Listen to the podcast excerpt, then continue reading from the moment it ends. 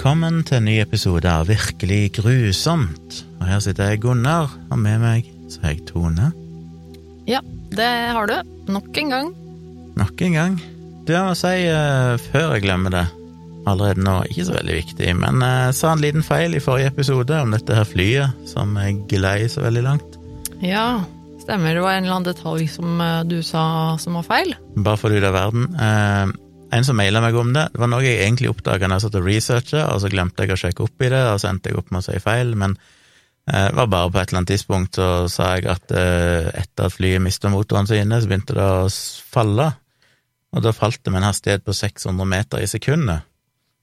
Og det høres jo Det kommenterte jeg vel òg, det er jo shit, det var over en kilometer i løpet av et par sekunder, liksom, det var ganske drøyt.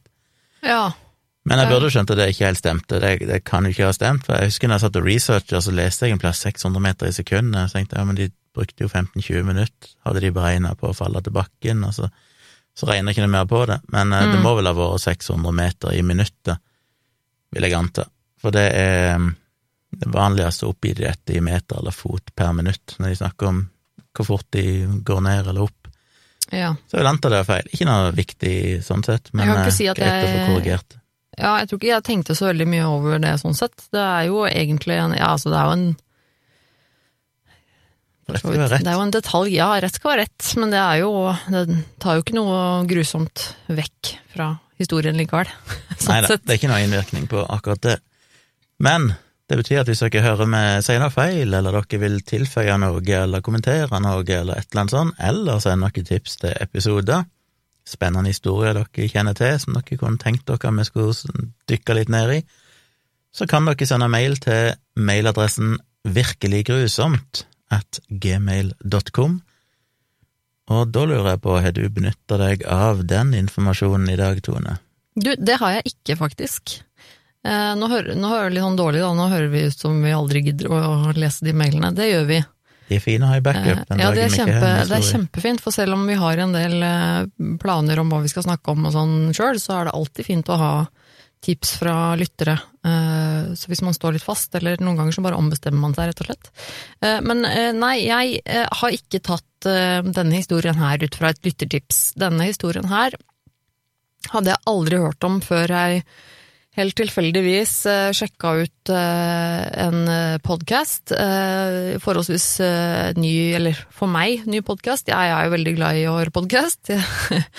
Så jeg, og jeg hører ganske mye mm, sånne crime eh, altså Kall det true crime, da, eller sånne ting. Jeg liker jo litt sånn type podcaster som det vi lager, og hører veldig mye engelske podcaster. Og da hørte jeg en episode av en podkast som heter Crimes and Consequences, hvor de eh, foretok, foretok faktisk, hvor de tok for seg denne saken. Og jeg hadde ikke hørt om den før, som sagt, eh, men da jeg hørte de snakke om den, så eh, var jeg bare øyeblikkelig sånn sikker på at dette her er det jeg skal snakke om i neste episode, fordi at den, det, det var litt, ja Du får jo høre det nå snart, men da, Ja, det var sånn det dukket opp. Um, og jeg, før jeg begynner å fortelle om historien her, så eh, føler jeg at eh, selv om denne podkasten heter Virkelig grusomt, så skal jeg i tillegg eh, advare mot litt, sånn grusomme detaljer i dag. Um, det er jo um, Ja, det kommer vi til, men, um, men for de som kanskje ikke syns det er så ålreit å høre på litt detaljerte grusomheter, så kan det hende det kommer en litt ugrei overraskelse. Som nå ikke lenger er en overraskelse. Så da vet du det. Um, men ja. Fascinerende sak, syns nå jeg. Jeg tror Jeg tror kanskje ikke jeg, vet, jeg lurer på om du har hørt om saken. Jeg ble egentlig litt overraska, må jeg si, for at jeg ikke hadde hørt om den før, for den er ganske ny. Eh, denne saken her, det, det skjedde i 2016, og eh, det var på en måte en såpass spesiell greie at jeg skulle tro jeg hadde hørt om det, men det har jeg altså ikke. Vi skal eh, litt tilbake i tid. Først skal jeg fortelle om eh, denne ene damen som det handler om. Hun heter Iana Kassian. Hun ble født i 1986 i eh, Ukraina. Eh, hun hadde en, eh, en eh, søster, og moren hennes beskrev henne som veldig glad jente, veldig flink og veldig smart. Hun eh, studerte juss, gjorde det veldig bra på skolen, og fikk faktisk jobb som aktor i Kiev. Eh, og altså, var veldig en sånn strebete jente, flink, og, og var veldig ja, aktiv og, og smart. Og i slutten av 20-årene så ble hun eh, skatteadvokat, heter det det? Tax lawyer. Det vet jeg ikke, men ja, sikkert. Jeg lurer på det. I hvert fall eh, tax lawyer heter det på, på engelsk. Jeg regner med at det er en advokat som jobber med mm, noe ting som har med skatt og skatteetaten å gjøre. Mm. Men i hvert fall, eh, åpenbart flink og dyktig jente, dette her. Og selv om Jana gjorde det bra i Kiev, så ønsker hun seg noe litt mer for fremtiden sin, og den familien hun en gang håpte på å få. Og i eh, 2014 så var det mye politisk uro i Kiev. Og Jana hun søkte seg om å få et studentvisum, og flyttet til Los Angeles i USA, hvor hun bestemte at hun ville studere for å bli tolk, rett og slett. Eh, Og var veldig glad for at hun fikk til det, og så jo på USA, som, som mange gjør, som drømmenes rike. Altså dette her var jo et sted hvor drømmen blir virkelighet. Hun var veldig gira på å skulle komme seg dit, veldig fornøyd, og hun trivdes veldig godt. Hun fortsatte sin holdt jeg på å si, tradisjon i USA med å jobbe hardt, og veldig fokusert. Og i tillegg til eh, sin karriere innen juss og det hun studerte til å bli tolk, så eh, startet hun også en modellkarriere, faktisk.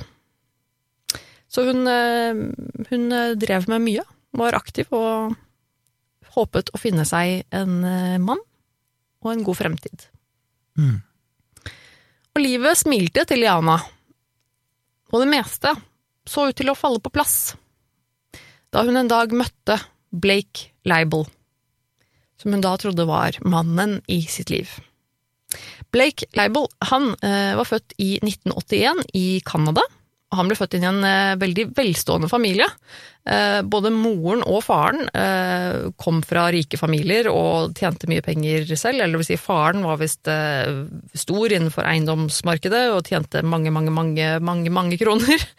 Og moren hans var arving av et eller annet svært firma, et eller annet, husker ikke akkurat hva det var, men de hadde mye penger i hvert fall. Så det var ikke noe synd på dem eh, sånn sett. Um, han, eh, altså han bodde i Canada, er født og oppvokst i Canada, men eh, flyttet til Los Angeles i 2004 eh, sammen med en annen gjeng med venner, da. Og jeg tror de gikk på altså studerte gikk på skole og litt sånne ting der. Um, han hadde også en, en storebror som het Cody, som også flyttet til LA like etter eh, Blake. Eh, og han, Cody han fulgte litt mer i sin, eh, sin fars fotspor. Han gikk inn i eiendomsbransjen og ble veldig eh, styrterik. Eh, gjorde det skikkelig bra, da, denne broren hans. Eh, og visstnok, eh, så vidt jeg skjønte, så ble han broren, da, den eh, yngste registrerte eieren av en Ferrari Enzo noen gang. Jeg tror han var sånn 21-22 eller noe, da han liksom kjøpte seg en Ferrari Enzo. Så, eh, og det er ikke at det er et viktig detalj, men det tyder på at her er det mye penger ute og går, og de eh, er en suksessfamilie, vil jeg påstå. Men eh, Blake derimot, han var ikke helt der. Han levde på de da separerte foreldrene sine penger, han. Eh, og fikk tilsendt penger hver måned, som han levde av, eh, rett og slett. Eh, I tillegg til at eh, foreldrene også hadde kjøpt et stort hus til Blake, som eh, han bodde i i LA. Og eh, ifølge de papirene som er blitt rullet opp, så fikk altså Blake eh, månedspenger, altså han fikk på en måte en, en lønn, da, en månedslønn av foreldrene som han levde på, eh, som eh, på det meste var opptil opp til eh, nesten to millioner dollar i måneden. Hardt liv. Ja, det er hardt liv. Altså, det, var, det var ikke synd på denne fyren her, for å si det sånn. Så han eh, Tror jeg skulle klart meg på sånn 15 millioner kroner i måneden. Ja, fy faen, tenk deg det hver er- måned. Det er så drøyt, det. Og han i tillegg så har han jo bare fått et hus Ja. eh, som han bor i, og ja.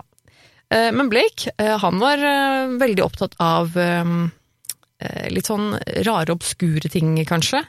Eh, Psykologi, men også sånn mord og, og, og, drap, og var liksom fascinert av en del sånne morbide ting. Um, og sci-fi eh, var litt mer hans greie, og han pitchet stadig sånne ideer til, til filmer og, og serier og så videre, og ville gjerne drive med noe innenfor det, og eh, litt mer kreative yrker, kanskje.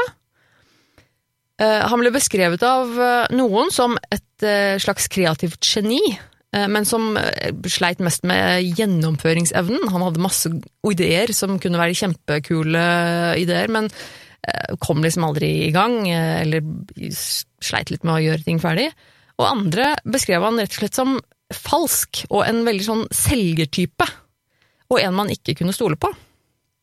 Så det var vel litt, litt spesielle oppfatninger av hvor denne fyren er, tydeligvis. Han var kanskje litt uh, rar type, jeg vet ikke. Um, og I 2008 så fikk han endelig litt fotfeste i, i bransjen, da, eh, og var med på å skape og regissere blant annet en animert tegneserie uh, basert på en bok. Um, og i 2011, etter liksom, dating mye fram og tilbake, så giftet Blake seg med sin daværende kjæreste. Hun het Amanda Brown, en tidligere modell. Og hun, da de giftet seg, så var hun allerede åtte måneder gravid eh, med deres første sønn. Ehm, Og selv om vennene deres beskrev at de hadde veldig forskjellige personligheter ehm, Hun, eh, Amanda, ble ofte beskrevet som veldig sosial og likte å gå ut og feste og, og, og være sammen med venner og sånn, mens Blake ble beskrevet som litt mer sånn introvert, kanskje. Eh, ikke så opptatt av å feste og sånn. Likte seg mer å være hjemme og spille videospill og, og drive med sånne ting. Så, men selv om de var veldig forskjellige, så eh, så det ut som de trivdes veldig godt sammen da, i denne store, vakre villaen sin i eh, Los Angeles. Men eh, Blakes prosjekter i Hollywood ble aldri noen veldig store kommersielle suksesser, så han fortsatte å være avhengig av sine foreldres penger. Men da hans mor døde i 2011, arvet han en god del av hennes eiendommer og formuer, eh, men han måtte da dele dette med sin bror Cody, eh, for det var jo det det til slutt kom fram til at det var nevnt i testamentet, da. Men det likte ikke Blake, eh, for han mente at siden Cody hadde vokst opp med faren, altså for disse var jo separert, de foreldrene, og tydeligvis så hadde da Blake vokst opp eh, i meste av tiden sammen med moren, da. Eh, Og han mente at siden Cody hadde vokst opp hos faren, så hadde han ikke noe rett på noe arv etter moren. Og sto veldig hardt på det, og det ble noe rettssak og noe greier. Eh, Men utfallet ble til slutt at de måtte dele på denne arven her, da. Eh, Men eh, tror fremdeles ikke sånn sett, sånn økonomisk sett, så tror jeg ikke det er noe synd på han Blake, for jeg tror han likevel satt igjen med ganske mye, eh, ganske mye formue. Eh, Men Blake, han kom ikke i begravelsen til moren sin. Eh, Og noen av eh, vennene hans hadde sagt at, eh, ja, at det var jo litt rart, men at eh, de trodde at han rett og slett ikke taklet det, at moren hans var død. Eh, For moren eh, beskrev de at hadde vært eh, hans aller nærmeste, og den eneste ekte personen da, i livet hans. En person som hadde vært han nær, og som han hadde regnet med i, i livet sitt. Um, og vennene hans sa også at han, um, han forandret seg litt. Han ble, han ble litt mer inneslutta. Litt mer sånn tilbakeholden, kanskje. Ikke så mye kontakt eh, lenger. Og i 2015 så forlot Blake eh, kona, Amanda, mens hun da var åtte og en halv måneder gravid med deres andre sønn. Og han kuttet eh, kontakten med vennene sine. Eh, Og det viser seg da, eh, på dette tidspunktet her, at han har hatt en affære med Iana Kasian et par måneder. Og Iana var veldig glad for å ha truffet Blake, og var sikker på at dette var mannen som hun skulle gifte seg med og få en familie med. Og i starten av forholdet var eh, alt som en drøm eh, for Iana. Hun eh, kunne omtrent ikke ønske seg mer. For Blake han var jo stinn av gryn, og han skjemmet henne bort, påkostet henne masse gaver, dyre ferier, de spiste på litt sånn dyre, fancy restauranter, og han kjøpte en Mercedes til henne. De flyttet sammen i en stor leilighet, og rett etterpå så ble Iana gravid.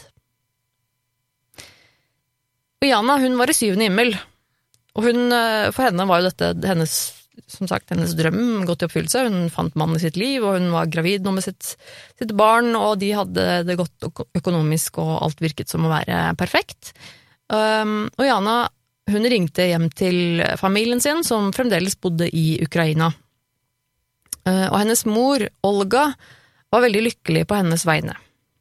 Selv om de visste at Blake hadde en litt komplisert fortid, så trodde de på han da han sa at han hadde planer om å skille seg fra Amanda og gifte seg med Iana. Eh, og fødselen eh, nærmer seg jo, og Olga, altså moren til Iana, hun, eh, hun flyr til LA før Iana fødte for å tilby sin hjelp.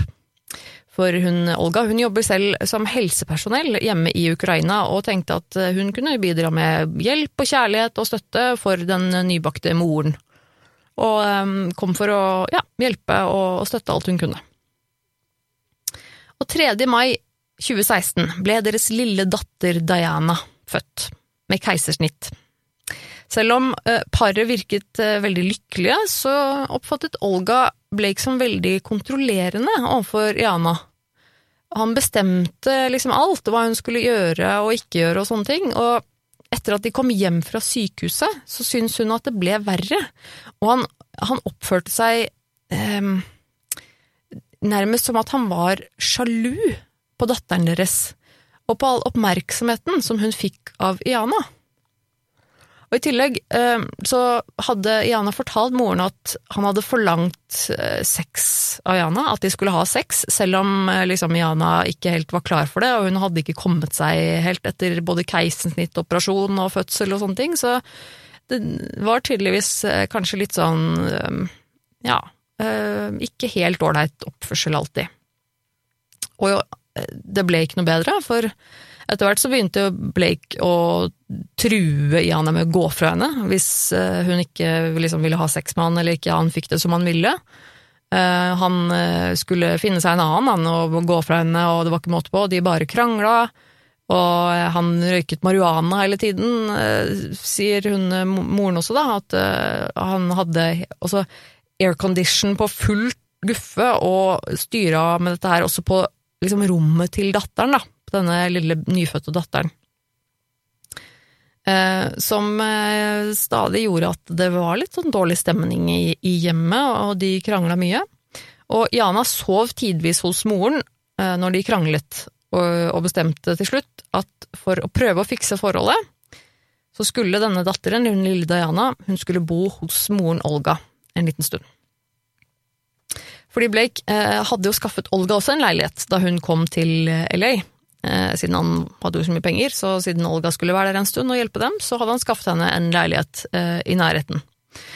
Um, men Olga, altså moren til Liana, hun, hun, ønsket at Liana skulle gå fra Blake, og begynte å bli ganske bekymra. Og eh, Blake var var nok ikke helt på plass i, i toppen. Og han var nå Eh, midt i en skilsmisse, eh, i sånne skilsmisseprosedyrer med hun Amanda, de liksom pågikk nå, etter å ha gått fra henne da, og deres to barn.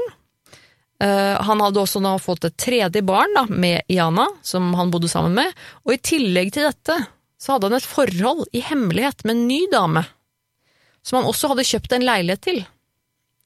Så han, betale, han betalte jo også leiligheten til Olga, så nå begynte det å bli ganske mye, kan man tro. Han har da tre damer som han eh, må styre med, da, og betale leilighet for og, og ordne og styre, så man kan liksom få litt inntrykk av at det, her, at det var ganske mye press. Um, og så, da hans nye datter, altså lille Diana, da hun var bare 17 dager gammel, så ringte plutselig hans nye elskerinne til politiet og anmeldte Blake for voldtekt. Så hun sier da at Blake har rett og slett har forgrepet seg på henne, og anmelder han.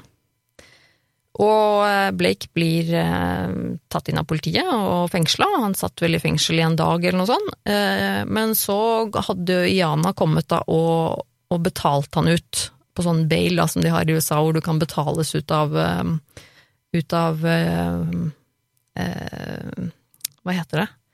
Eh, varetektsfengsling. Ja. ja. Og da endelig, etter alt dette styret her, så innrømmer Blake at han hadde hatt en affære, og da fikk Iana nok. Så hun pakka sammen noen saker og dro eh, til sin mor og tok med seg datteren. Men eh, Blake var ikke så veldig fornøyd med det her, så han, han fortsatte å ringe Iana, sende henne meldinger og mase masse. Um, og Olga sa at eh, hun så at datteren hennes ble veldig påvirket av det. Han hadde unnskyldt seg og sa at han angret. Og selv om da Olga tryglet Diana om ikke høre på ham, så til slutt så ga Diana etter og sa at ok, jeg, jeg kommer bort en tur. Jeg, jeg skal dra en tur til Blake. Så det gjorde hun. Og dagen etter hadde Jana fremdeles ikke kommet hjem, og Olga begynte å bli ordentlig bekymra. Hun hadde ringt datteren mange ganger, hun kom bare rett til mobilsvar. Så hun ringte politiet, men de kunne ikke gjøre noe siden datteren var voksen og hun kunne gjøre som hun ville. Og dagen etter det igjen, fremdeles ingenting, og hun hadde ikke hørt, kommet gjennom på telefonen og ikke hørt noen ting fra datteren, så drar Olga til leiligheten til Blake. Og det er en, eh, et sånt stort, dyrt sånn leilighetskompleks som er sånn lukket øh, område. Så for å komme inn til den, det leilighetskomplekset, så er, er det liksom porter der som er låst. Så hun kom seg ikke inn til altså selve leilighetskomplekset. Eh, men hun sto utafor over gaten og kikket inn i leiligheten, som hun visste at var den leiligheten i tredje etasje. Hun så Blake et øyeblikk eh, i nærheten av vinduet, og begynte å skrike og rope og gjøre tegn til han og, og ba han om å åpne og sånn. Men han hadde bare lukket vinduet og, og forsvunnet igjen, vekk fra vinduet, uten å, uten å si noe til henne.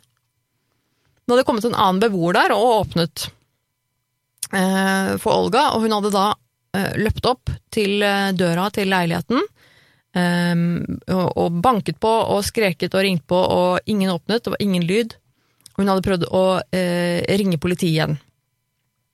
Og de sendte da over to eh, betjenter som kom til leiligheten, prøvde å ringe på, banke på, og heller ikke da svarte det i leiligheten. Eh, de sa det er politiet, jeg kan jo komme og vil snakke med deg, og kan du åpne døra og sånn? Ingenting. De prøvde også å eh, ringe til Blakes telefon for å be han om å komme ut, men uh, ingenting skjedde. Um, Olga ble selvfølgelig veldig desperat, og hun begynner å bli veldig veldig ja, desperat og, og veldig bekymra for hva som har skjedd med datteren deres, så, så, hun begynner å be dem om å Kan dere være så snille å, å, bryte dere inn? Kan dere ta dere inn i leiligheten? Jeg er sikker på at noe er galt her. Men det kunne ikke politiet gjøre da, for de hadde ingen skjellig grunn til å ta seg inn i leiligheten. Og da var det ikke så veldig mye mer Olga kunne gjøre, og hun hadde samtidig da eh, ansvar for Diana, den lille datteren, eh, altså barnebarnet hennes, da som hun foreløpig hadde satt eh, hos en, en, venn. Så hun eh, ga opp og, og, innså at ok, jeg må bare dra tilbake til Diana, jeg kan ikke stå her. Um, 26. mai 2016, dette oppfatter jeg at det er liksom et par dager senere, um, så prøver hun igjen, eller muligens dagen etterpå, jeg er litt usikker på datoen der. Men hun prøver igjen, og det er ingen som åpner, og hun ringer politiet igjen. Og nå sier hun at um, dere må sende noen. Og jeg har hørt den telefonsamtalen som hun hadde med politiet, for den finnes det opptak av. Den um, går det an å finne på, på nettet. Eh, hvor hun beskriver at eh, hun, eh, hun, trenger hjelp av politiet til at de må ta seg inn i den leiligheten, for datteren må, datteren må ut derfra. Hun, og sier at for datteren hadde er nettopp hatt et keisersnitt, nettopp født et barn, og hun trenger, og, hun trenger pleie. Og er sikker på at hun er i fare, og at, at hun må ha hjelp til, av politiet til å komme seg inn, for det er ingen som svarer og ingen som åpner. Um, og da sier politiet at ok, vi kan, vi kan sende noen uh, igjen. Vi kan gjøre en sånn såkalt welfare check, altså en sånn et uh, tilsyn da, fra politiet og, og sjekke at alt er i orden. Og de, så politiet kommer jo igjen da, uh, og, og, roper og ringer på, og det er jo ingen som svarer. Og da får de tak i en nøkkel fra vaktmesteren på komplekset der, og åpner døra. Og da oppdager de at det er hengt på en sånn sikkerhetslenke på innsiden av døra. Og så kan de jo anta at det er noen som er der i leiligheten, for den går jo ikke an å låse fra utsiden, en sånn sikkerhetslenke. Mm. Um, og de prøver å rope, ingen som svarer, uh, og de tvinger seg inn i en leilighet som uh, fremstår som ganske rotete. De ser ingen uh, med det første, det er ingen som svarer. Eh, de tar seg videre inn i leiligheten og kommer til en dør som, som går videre i en, en, eh, gang inn til der hvor soverommene er. Men denne døren, den er, eh, den er låst og barrikadert. Så de styrer litt med å få opp denne døra, og dunker og styrer og ordner, og får til slutt løftet den døren her av hengslene. Eh, og flytter møblene som står på innsiden som er brukt til å barrikadere døren, og fortsetter ned mot gjesterommet. Inne på gjesterommet så oppdager politiet at dette er alvor, for der er det blodflekker.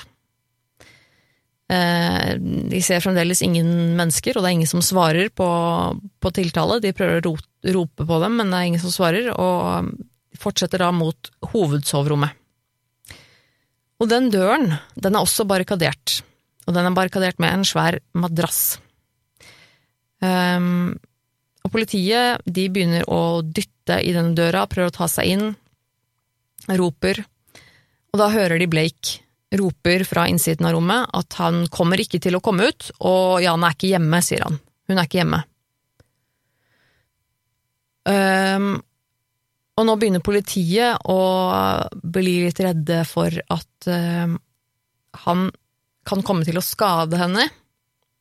Um, så de prøver å snakke med han og overtale han til å slippe dem inn, eller til at han skal komme ut. Uh, for å liksom ha litt kontroll på situasjonen, da, for at ikke han skal liksom bli veldig opprørt og, og, kanskje skade henne hvis hun er der inne sammen med han og sånn. Uh, og mens dette her uh, foregår, så, så, klarer Blake å ringe til en kompis av seg, som, som også kommer til leiligheten for å hjelpe til. Eh, og etter hvert så, så, klarer de da å snakke med han og overtale Blake til å komme ut. Så han åpner, og han kommer ut uh, i bare, i bare boksershorts og ser ganske pjuskete ut, rett og slett. Han Ja, altså Ja.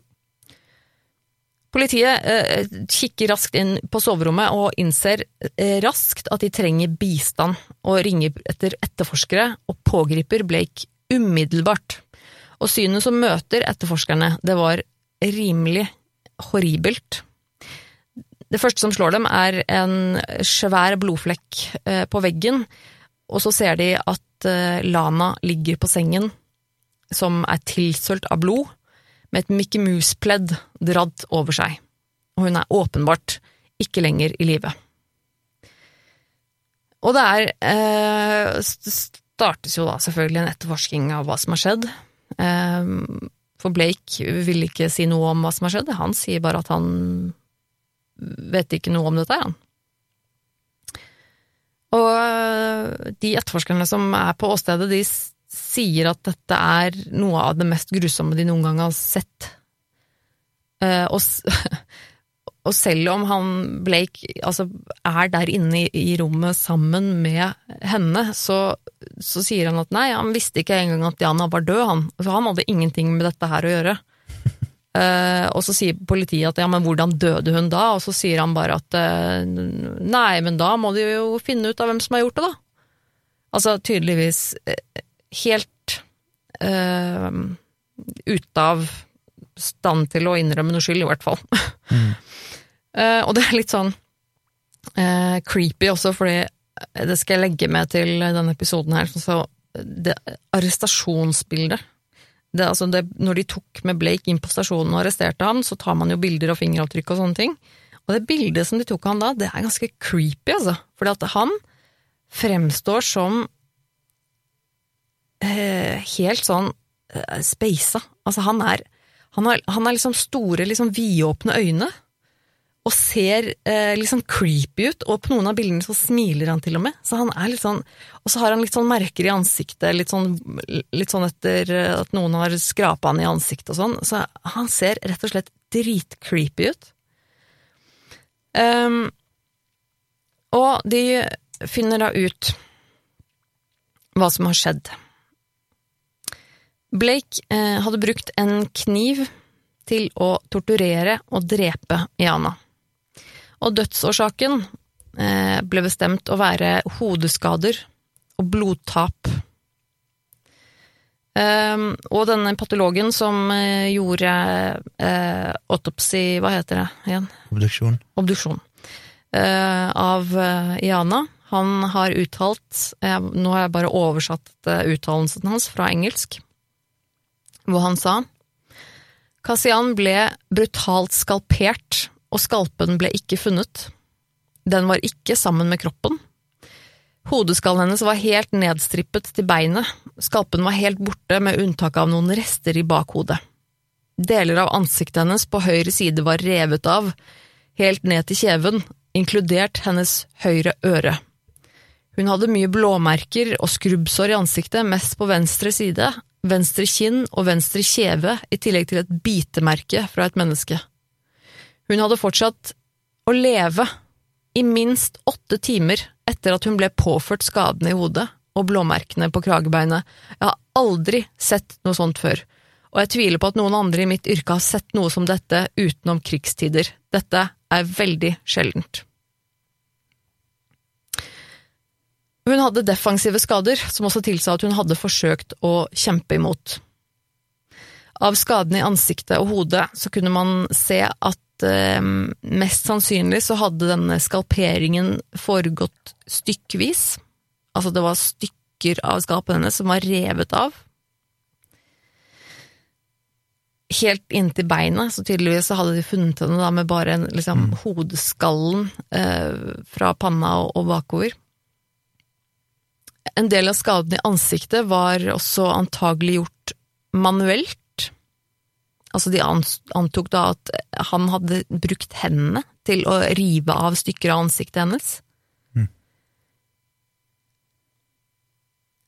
Begge øyenbrynene hennes var også skåret av, og de hadde funnet eh, et av øyebrynene hennes liggende et sted i leiligheten, husker ikke akkurat hvor det var. Um, og badet, altså, eh, de hadde jo da Mest sannsynlig så hadde han da flyttet henne rundt i leiligheten, for det var blod på flere av rommene. Badet var fullt av blod, og i badekaret så var det eh, vann som var grisete av, av, blod og hår, eh, og det var rett og slett eh, ikke rent ut av vannet fordi det var tett i sluket av menneskerester og hår og altså mm. Og de hadde jo da um, kommet fram til at en av dødsårsakene hennes var jo blodtap. Og for å, for å dø av blodtap, så må du miste veldig mye blod. Ja. Um, og Jana, hun hadde mistet nesten alt blodet i kroppen sin, uh, som er veldig sjeldent, og det å tømme et, et menneske, en menneskekropp for, for, blod, det er veldig vanskelig. Uh, og man skulle kanskje ikke tro at det var det, for, men det er liksom ikke at bare uh, Holdt jeg på å si kutte halsen og så henge det opp ned, og så, vil, så renner det jo blod ut, men det å tømme ut så mye blod på den måten, det er ikke, det er ikke mulig. Uh, for hvis du, altså hvis du er hvis du er død, så vil du ikke få ut alt blodet. Fordi for å få ut blodet av, i kroppen av så mye blod, da, så må det pumpes ut. Altså, det, man må være levende. Sånn at hjertet fremdeles pumper blodet rundt i kroppen for at så mye av blodet skal komme ut. Og, men likevel da, så er det jo litt sånn øh, spesielt fordi at og Jana var jo levende. De antok at hun var levende. Hun levde i hvert fall åtte timer etter at han hadde begynt å skade henne og, og skalpere henne, og, og, og begynt å blø. Men likevel, så hvis man er levende, så koagulerer jo blodet etter hvert, ikke sant? og blødninger vil jo stoppe etter hvert. Mm. Um, så det de hadde da mest sannsynlig antatt at han hadde gjort, eh, var at han hadde da hatt henne i badekaret og påført da varmt vann på skadene, sånn at det ikke koagulerte. Sånn at hun bare blødde og blødde og blødde.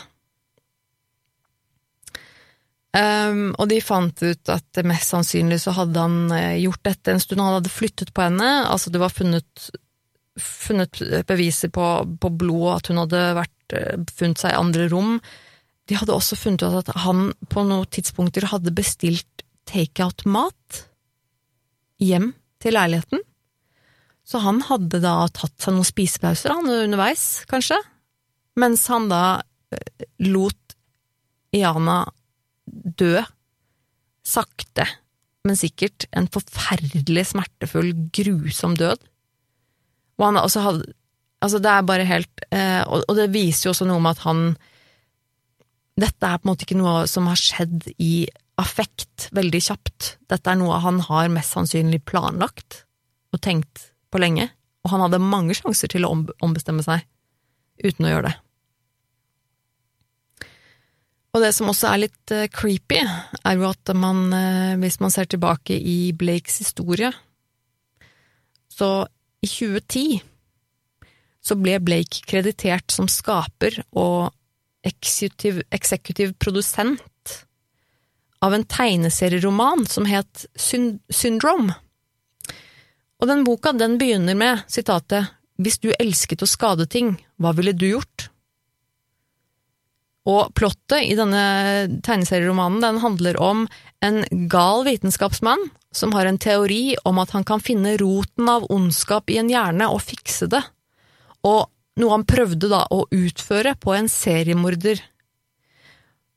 Illustrasjonen på bokcoveret eh, er ganske sånn forstyrrende og er et bilde av en babydukke med en massiv skade i hodet. Og det er også bilder, eller illustrasjoner, i boken av drepte mennesker som henger opp ned mens blodet renner ut. Videre også en tegning av en død kvinne liggende på en blodig madrass. Og boken slutter med setningen Til slutt blir vi alle monstre. Og det er ganske bisart, for å si det mildt. For det kan da på mange måter fremstå som at dette drapet her er noe han har gjort ut fra sin egen oppskrift i den boken som han var med på å lage da, noen år tidligere. Um, og også, som sagt, det å vite hvordan man skal tømme en kropp for blod, uh, det krever ganske mye Det krever research. Han har nok planlagt dette her ganske nøye. Men han eh, Blake, han nekter straffskyld. Eh, men han ble likevel ansett som tilregnelig av eh, rettspsykiaterne som vurderte han eh, i etterkant her, eh, og at han faktisk visste forskjell på rett og galt. Så han ble altså ansett som tilregnelig. Og det var jo ingen tvil om at Blake var skyldig. Ehm, blodet i leiligheten som ble funnet, var var Ianas. Etter tester så fikk de det bekreftet, at det var Ianas blod. Ehm, DNA-funn på stedet i leiligheten eh, var Blakes, og hennes DNA eh, ble funnet under neglene hans, og omvendt. Blakes DNA ble funnet under neglene på Dianas avdøde kropp. De fant også elleve søppelsekker eh, som var kastet ned i søppelsjakten, som inneholdt DNA-beviser som eh, klær og håndklær og sengetøy med Ianas blod. Så det er ingen som tvilte på at det var Blake som hadde gjort dette her, og det var jo juryen i rettssaken også enige om. Eh, det tok ikke lange tiden før, eh, før han i 2018, tror jeg det var, ble dømt til livsvarig fengsel. Eh, og eh, han ble ikke dømt de, Altså, de har jo dødsstraff i California, men han ble ikke dømt til, til dødsstraff eh, på grunn av Først så sa de noe om at det var fordi at Altså, han fikk livsvarig fengsel og ikke dødsstraff fordi at han hadde tidligere et rent rulleblad. Eh, men også visstnok på grunn av at det da var så innmari mange eh, fanger i fengselet eh, der som var dømt til, uh, til dødsstraff, som eh, ventet på dødsstraff. At de ikke hadde lyst til å sette en til inn der. så derfor så fikk han tydeligvis bare, bare gåsehudene livsvarig fengsel, uten mulighet for prøveløslatelse. Og senere ble han også dømt eh, til å betale 42 millioner dollar i erstatning til Olga og hennes familie. Det er ganske drøyt. 42 millioner dollar i erstatning. Ja. Uh, og han kom jo fra en veldig rik familie og hadde mye penger, så man kan jo i hvert fall håpe at faktisk uh, den familien fikk en del av de pengene. Får man jo håpe. Det er jeg ikke helt sikker på. Det, fant, det var noen steder som sa at at de, at de, ikke fikk det, men noen også som sa at de hadde fått Jeg vet, jeg vet ikke helt sikkert. Jeg håper ikke det gikk på bekostning av ekskona, for hun fortjente jo ganske mye penger. Ja. Øh, var det to unger med han som hun skulle ta vare på? ja, det, det, er litt uh, Vet veldig lite om hun ekskona, og så tenkt litt på det, liksom Vet ikke hvordan det er i California, om det er sånn der at du har krav på halve formuen når du skiller deg. Ja, men de hadde jo, eh, så vidt jeg skjønte, så hadde jo de på en måte gjort ferdig skilsmisse og alt sånne ting, da. Mm. Så de var jo allerede skilt. Um, men um, hun var visst til stede noen av dagene i rettssalen òg, eh, da denne rettssaken gikk pågikk i seks dager eller noe sånt, tror jeg, eh, i ca. En, ukes tid. Og hun også, hun Amanda, var visst uh, litt til og fra i noen av dagene. Men de de bildene som ble vist i den rettssaken, var altså så jævlig grusomme at det, det var vanskelig for juryer og, og, folk i rettssalen å se på. Det skjønner jeg jo godt. Um, Olga, moren til Jana, hun eh, var visst til stede under hele rettssaken hver eneste dag, alle timene, um, for å få med seg hele saken. Um, og det Ja, nei, jeg tør ikke engang å tenke på hvor jævlig det må ha vært. Eh, hun hadde det jo selvfølgelig helt grusomt. Og den lille datteren, da, Diana, hun vokser opp i dag i Ukraina sammen med Olga.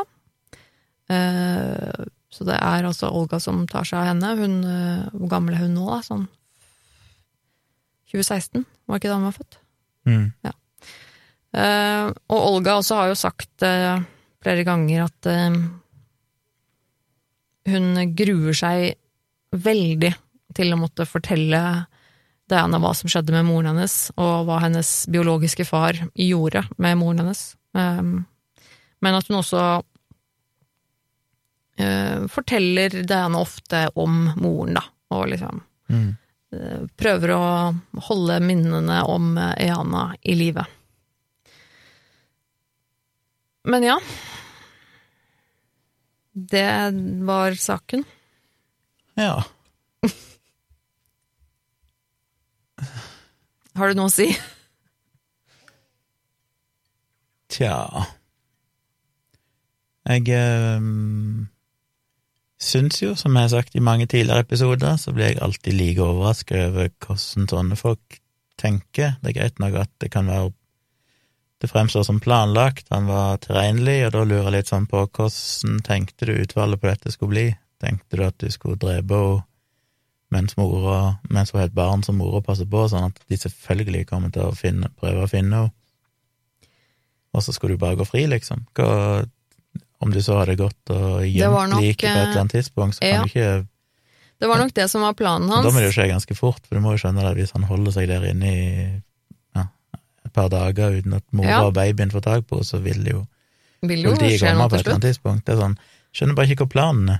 Hva var liksom Nei, her? De, de hadde visstnok funnet en del eh, passet hans og noe penger og noe sånn i, eh, i lomma hans, eh, tror jeg. Det var i hvert fall en teori politiet hadde, at de antok at hans plan var å skjule eh, handlingen. Altså, han hadde jo prøvd å kvitte seg med mye bevismateriale i form av å kaste det i søpla, ikke sant?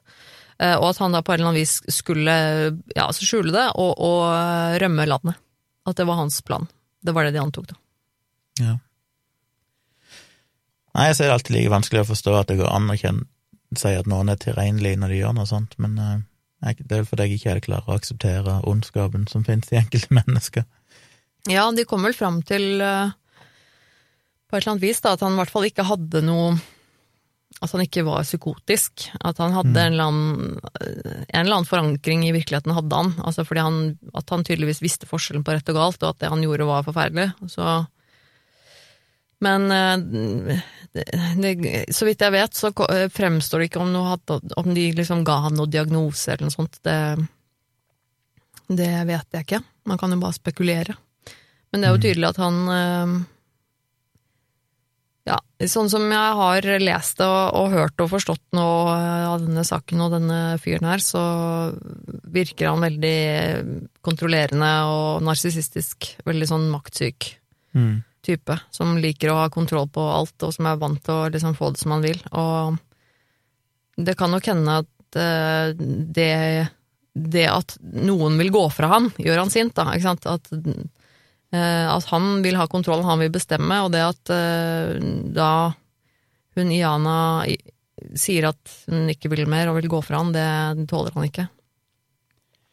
Nei, det er det som er fascinerende med sånne folk, at de har ei dame, eller egentlig teknisk sett to allerede, på et vis, Ja. for, er utro og får seg ny kjæreste, men de takler likevel ikke at eksen Skulle nesten tro at de bare var glad til om eksen ville ut av dette her, for at de har funnet seg en ny, liksom, men det er sånn, selv om de har funnet seg en ny, så takler de fortsatt ikke å bli forlatt av den forrige, som de allerede har svikta på et vis. Det er merkverdig Altså han, tankegang, for mye penger.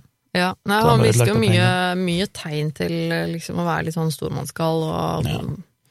Og den typen der, så det kan man vel nesten anta at han var, eh, hadde ekstreme trekk. Og det er vel Men jeg vet ikke, det kan jo Det er også antatt at dette dødsfallet av moren, da, hadde kanskje noe med saken å gjøre, at det ja, Om det ikke var en konkret på en måte påvirkning, så at det i hvert fall at det gjorde at han eh, ble dårligere, da. Eller at han Men jeg føler at det må være En sånn person må jo være vet ikke hva den rette den kliniske diagnosen er, men altså sosiopat, eller psykopat, som jeg kaller det. Ja, du det vil jo hvert er fall Hvis du har et barn med noen, til og med et nyfødt barn, ditt eget barn, mm, og bare har så lite følelser for at uansett hvor mye du måtte eventuelt hate eller bli sint på, at du fortsatt åpenbart er så lite følelser for ungene dine at du ikke kan bry deg om det, at du kanskje Mm. tar vekk mora fra ungen din, mm.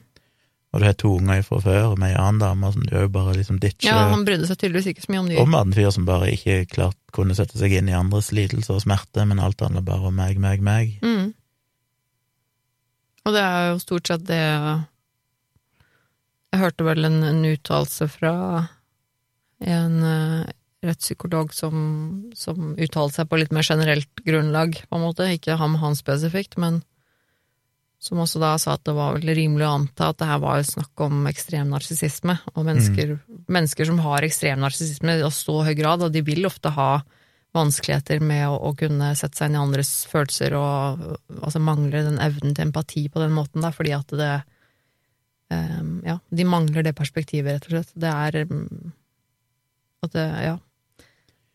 Ganske fascinerende, altså. Det er så Ja, en kan jo tenke seg at en fyr som er sikkert fått uh, pudesydd under armene eh, hele livet, kanskje, mm, og som ikke har evne til å føle empati i en sånn situasjon, sikkert vil se på det Han er jo ikke en som gjør det, men vil se på det der med å ta livet av henne sakte, men sikkert, mer som en sånn Dette er jo fascinerende, spennende eksperiment. mm, At det mer eh, blir en utfordring, og at han føler at dette er noe som han Hvis han tidligere da hadde skrevet denne, eller var med og produsert denne tegnefilmen, eller hva det var, mm, så er det klart at han eh, har nok, som alle lytterne av denne podkasten, hatt en fascinasjon for eh, det groteske og sånn. mm. Og hvis du da i tillegg mangler total empati og føler at dette er noe du faktisk har lyst til å prøve ut i virkeligheten, Ja, så er det en sånn dårlig kombo, ass. Veldig dårlig kombo. Ja, Det ble jo beskrevet om han også, eh, at han var en type som var veldig fascinert av drap drap og mord og altså Ja. Jeg tenkte òg på det, jeg vet ikke om de sa noe om det, men du sa at de hadde kanskje holdt hodet hennes under At han hadde holdt hodet under varmt vann for å få henne til å blø. Ja. Tenkte jeg litt på det, siden det virka som at den skalperinga hadde skjedd i rykk og napp, og man òg kanskje tok del for del, og når det begynte å koagulere, så skar han av en ny del. At det jo kan jo være en Det kan godt hende, men det er liksom noe de antar at han må på et eller annet, et, eller- et eller annet vis, så må hun ha blitt holdt sånn at, Mm. at med beina opp, altså med hodet på, på det, liksom det laveste, som det laveste punktet, og det, må, det er det han har brukt badekaret til, eh, og med varm, fordi at varm, vannet var varmt. At han da vil ha brukt det til å stoppe koaguleringen, sånn at hun faktisk, faktisk blødde i hjel. Eh, For det skal, som sagt, mye til å få til. Det er så kjipt å tenke på at hvis politiet hadde gått inn dagen før, så kunne hele greia blitt stoppa, men samtidig så Og det er jo også noe som hun Olga har snakket om, moren hennes, da. At hun, Mm. har, eh, at hun har vært plaget av det mye. At eh, hun skulle ønske hun kunne gjøre noe mer. At hun var sikker på at hvis hun hadde klart å, å komme dit tidligere, så hadde hun klart å redde Jana, da. Eh, Og det er klart at det må Samtidig så er det jo jo i det politiet og de har ikke noe grunn til å gå inn. Nei, det er, ikke sant? Og, det er jo, og, og Olga gjorde også alt hun kunne, ikke sant. Hun, Ja. hun kunne jo liksom ikke gjøre noe mer. eh, Så det er jo bare utrolig trist. Og jeg skjønner jo godt at det må være utrolig vanskelig for hun moren av Olga, altså tenke over det at liksom, men shit, tenk om jeg bare hadde brutt meg inn, da. Tenk Ja. om jeg hadde gjort det, liksom, gjort enda mer, eh, så hadde jeg kanskje reddet livet hennes. Det må være en forferdelig tanke å ha. Det må være helt grusomt. Mm. Derre- men jeg, jeg lurer virkelig på det er, det er liksom for meg helt sånn En ting er jo En ting er jo å være fascinert av eh, morbide ting, for det er jeg sjøl òg, på en måte. Jeg kan også synes at sånne ting er fascinerende, med hvordan kroppen ser ut og fungerer og alt det der greiene der, men det å, det å utføre noe så grusomt på et menneske som er levende, Mm. og det å altså, rive av dele ansiktet hennes med hendene, da. Han må har jo brukt hendene, liksom, og revet av skalpen hennes.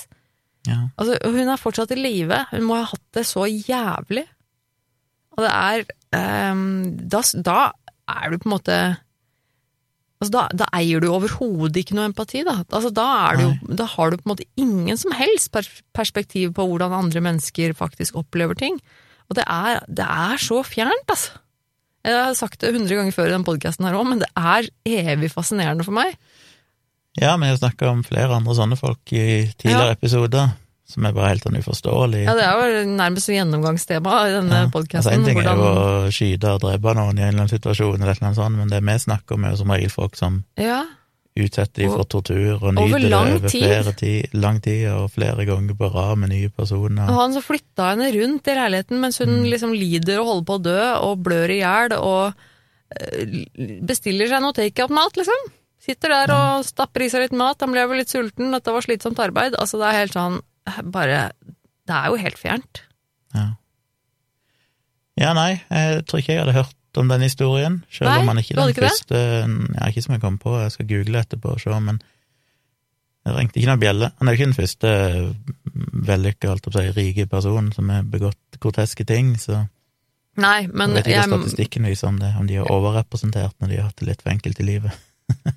jeg syns jo Altså, og dette er jo sånn helhetlig ikke noe unik sak, ikke sant. Det at en, en mann dreper ekskjæresten sin, det er jo dessverre overhodet ikke noe uvanlig i det hele tatt. Eh, Men jeg syns jo detaljene i den saken her Ja. er noe av det verre jeg har hørt. Eh, Måten han gjorde det på over så lang tid, og Nei, det er bare Det kan Nei, jeg på en måte ikke forstå. Det eneste håpet jeg har, er jo at hun ganske tidlig må ha blacka ut. Så selv om hun var i live, så er det jo jo sannsynlig, vil jeg vel tro, at hun må ha mista eh, eh, bevissthet på et eller annet tidlig tidspunkt. Og kanskje ikke følt all verdens smerte. Jeg vil tro hvis du blir utsatt for noe sånt, så går du kroppen inn i sånn en sjokkmodus at du kanskje ikke egentlig registrerer så mye av det som skjer, så det er det eneste håpet en kan ha, at ikke hun var ved sine fulle fem i løpet av alle de timene. Ja, Men jeg vil vel- det. Jeg blir litt sånn kvalm ass, hvis jeg setter meg for mye inn i det der, liksom. Ja, nei, det kvalifiserer vel til en uh, Alltid vanskelig å si, men uh, Ja, vi snakker om grusomhetsskalaen nå. ja, en uh, åtter på grusomhetsskalaen, kanskje? Ja, det tror jeg var det jeg tenkte òg. Åtte var liksom en åtte. Og det var flere personer og sånn, så kunne det kanskje vært ni, for det er jo grusomt, men eh, Altså, ja, altså, om man hadde gjort enda mer person. grusomme ting med en, eller sånn, så kunne det kanskje gjort det enda verre, eller Det, altså, ja. ja. kanskje. Jeg føler når det er én person Ja, det er litt sånn og én hendelse, så er det kanskje Vi har jo snakka om tidligere folk som har gjort dette over flere tiår, med mange titalls ja, eller hundretalls. Ja. Ikke sant? Ja, Så du må liksom ha noe å gå på der oppover, men eh, ja, sju, åtte, åtte kanskje, for det er så drøyt. Ja, brutalt. Ja, det er veldig, veldig drøyt. på grusomhetsskalaen for nye lyttere. Og hvis dere har tanker om det og vil gi dere egen rangering på grusomhetsskalaen, så skriv det i kommentarfeltet der vi poster podkasten på Facebook, Twitter, Instagram, der dere finner den. Ja, vi legger ut eh, Vi har jo en Facebook-side, Virkelig grusomt, på, på Facebook. Mhm. Der skal jeg poste en, eh, en liten post med noen referansebilder, så man kan se I hvert fall må jeg legge ut et bilde av den creepy politibildet som ble tatt av han Blake. Mm. Ja, ser ikke helt god ut, ass. Eh, også noen linker og sånn. Jeg jeg skal linke til den, eh, den eh, podcast-episoden som eh, først hintet meg, holdt jeg på å si, som, som fortalte meg om denne saken. Eh, for de som liker å høre på den på engelsk. Eh, og så, ja, litt sånn artikkel og generelle ting. Eller så er det jo forholdsvis enkelt å finne info om dette her hvis du googler selv også. Så ja, vi blir glad hvis dere deler podkasten. Gå inn på Apple Podcast eller andre plasser og gi dere en rating. Det er spesielt Apple Podcast som er viktig, siden det er eh, Kilden. kilden, det er det som er biblioteket til podkaster her i verden, stort sett. Så gå inn der, gi dere mange hyggelige stjerner, gjerne fem selvfølgelig, og kanskje en hyggelig kommentar, det setter vi veldig pris på. Ja. Du kan jo inn og gi stjerner, tror jeg, på Facebook-sida vår, du kan rate sida, tror jeg. Å ja. Men i alle fall, viktig at dere deler podkasten, kom med en tilbakemelding, kommentar, en rangering i kommentarfeltet, for det bidrar jo til at podkasten blir spredd, Mm. og det setter vi pris på. Og ikke minst, eh, kom gjerne med både ris og ros, tilbakemeldinger og tips på, på mailen vår, virkeliggrusomt at gmail.com. Kanskje til og med har du en, eh, en grusom handling du vil innrømme og ha oss til å fortelle om her i podkasten? Nei. Nei, kanskje ikke så aktuelt, men. kanskje noen vet svaret på gåtene, eller nei. Men det er uansett hyggelig å høre fra dere. Det er tydeligvis mange som liker podkasten vår, Gunnar. Det er gøy. Ja, og vi er tilbake igjen eh, om ei uke med en ny episode, da er det min tur til å fortelle. Og jeg gleder meg, som vanlig. Ha det. Ha det!